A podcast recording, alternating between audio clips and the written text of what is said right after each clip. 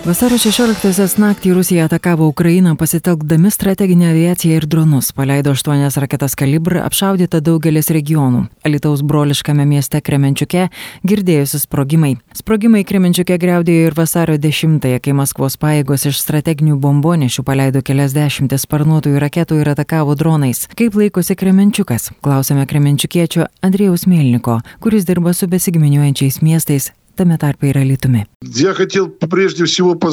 Pirmiausia, noriu pasveikinti jūsų radio klausytojus ir mūsų mylimiausio Lietuvos miesto Alitaus gyventojus su jūsų nacionalinė švente. Jūs mūsų orientyras kovoje už laisvę ir už taikų gyvenimą.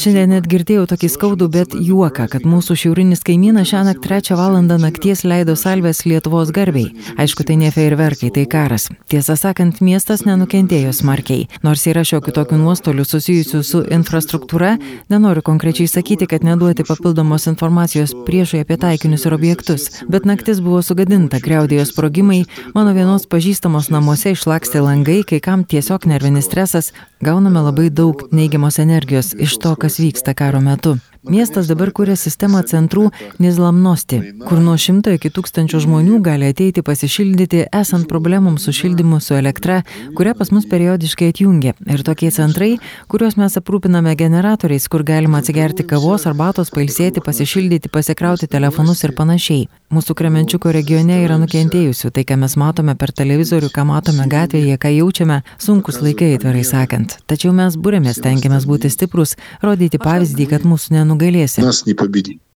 Kaip su šildymo elektra, ar tiekimas nutrūksta, kai infrastruktūra pažeidžiama, ar ir dėl taupimo? Да, чтобы не разинтегрировать Taip, kad систему. sistema dirbtų ir kad jos neperkrauti. Šildymas, dėkui Dievui, šiandien yra, nes radom inžinerinį sprendimą. Mums padėjo ir mūsų draugai, ir jūsų miestas, kiti lietuviai, slovakai, lenkai, šiaurės makedonai, vokiečiai, prancūzai. Vietoj sugriautos centrinės šildymo tiekimo sistemos dabar dirba mažų mobilių katilinių sistema. Su Prancūzijos, Lietuvos, Lenkijos ir kitų šalių pagalba mes aprūpinome ligoninės, vaikų ūkdymo įstaigas generatoriais, tad šiuose įstaigose yra ir šviesa, ir šildymas. Есть в этих учреждениях, и тепло есть.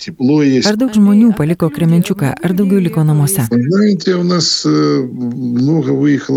Daug žmonių išvyko į Lenkiją, Slovakiją, Bulgariją, Lietuvą, bet dar daugiau atvažiavo pabėgėlių - apie 35 tūkstančius. Tai žmonės iš Harkivo, Sumų, Hersono miestų ir apskričių, labai daug tarp jų neįgalių asmenų ar su neįgaliais vaikais. Aš šiuo metu praktiškai tuo ir rūpinosi. Pirmiausia, iš namų ir važiuoja žmonės su neįgaliais pagyvenusiais asmenimis, kuriems labiausiai reikia pagalbos. Jais mes rūpinamės, mes kaip užfrontė užfrontės centras pabėgėliams ir medicininėms tarnyboms, nes daug tarp jų ir sužeistų ar reabilituojamų asmenų.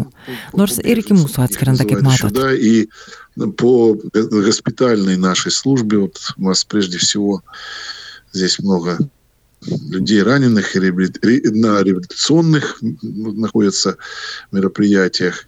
Ну вот, хотя и к нам долетает, как вы вот поняли. Praktiškai metai karo, artėja ir vasario 24, apie kurią daug spėlionių ir nerimo. Žinant Putino pomėgį įvairioms datoms, yra prognozių, kad vėl rengiamas didelio masto puolimas. Kaip jaučiasi miestas laukdamas tos dienos?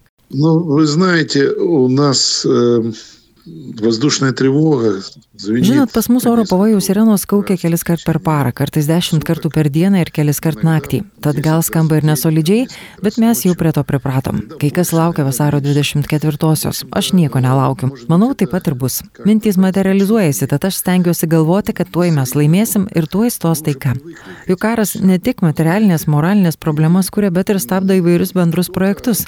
Turim dabar daug suplanuotų projektų ir su Vilniumi, ir su jūsų miestu, pabėgėlių vaikams, neįgaliems vaikams, bet dabar visi laukia, kas bus vasario 24. Finansuoti, nefinansuoti, mes sustabdė viską. Su vaikais nevažiuojame į Lietuvą, į Lenkiją, nes važiuoti su autobusu vaikų per Ukrainą tikrai pavojinga. Tačiau tikiuosi, kad tuoj viskas baigsis ir galėsim daryti daugelį dalykų.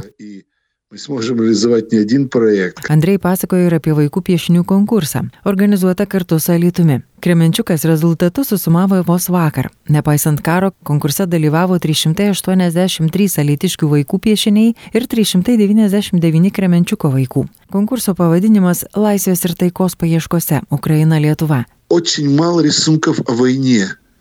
В основном рисунки Labai о mažai мире. piešinių buvo apie karą, dauguma piešinių apie taiką. Vaikai piešia taiką ir laisvę. Вот в чем вопрос. И сегодня в этот праздник я хотел бы вас поздравить, потому что... Dar kartą šiandien labai noriu Jūs pasveikinti, nes Jūs mums pavyzdys, kaip kovoti už savo laisvę ir nepriklausomybę. Deja, taip ilgai ir skaudžiai. Praktiškai kasdien atsisveikiname su bent vienu kariu iš Kremenčiuko, kuris žuvo vienoje ar kitoje fronto vietoje. Воином, кременчужанином, который погиб то в том месте, то в другом. Вот это тоже лицо войны. Nuo Kremenčiuko gyventojų linkėjimus siunčia Andrei Melnik. Jį kalbino Vilija Kvedaraitė.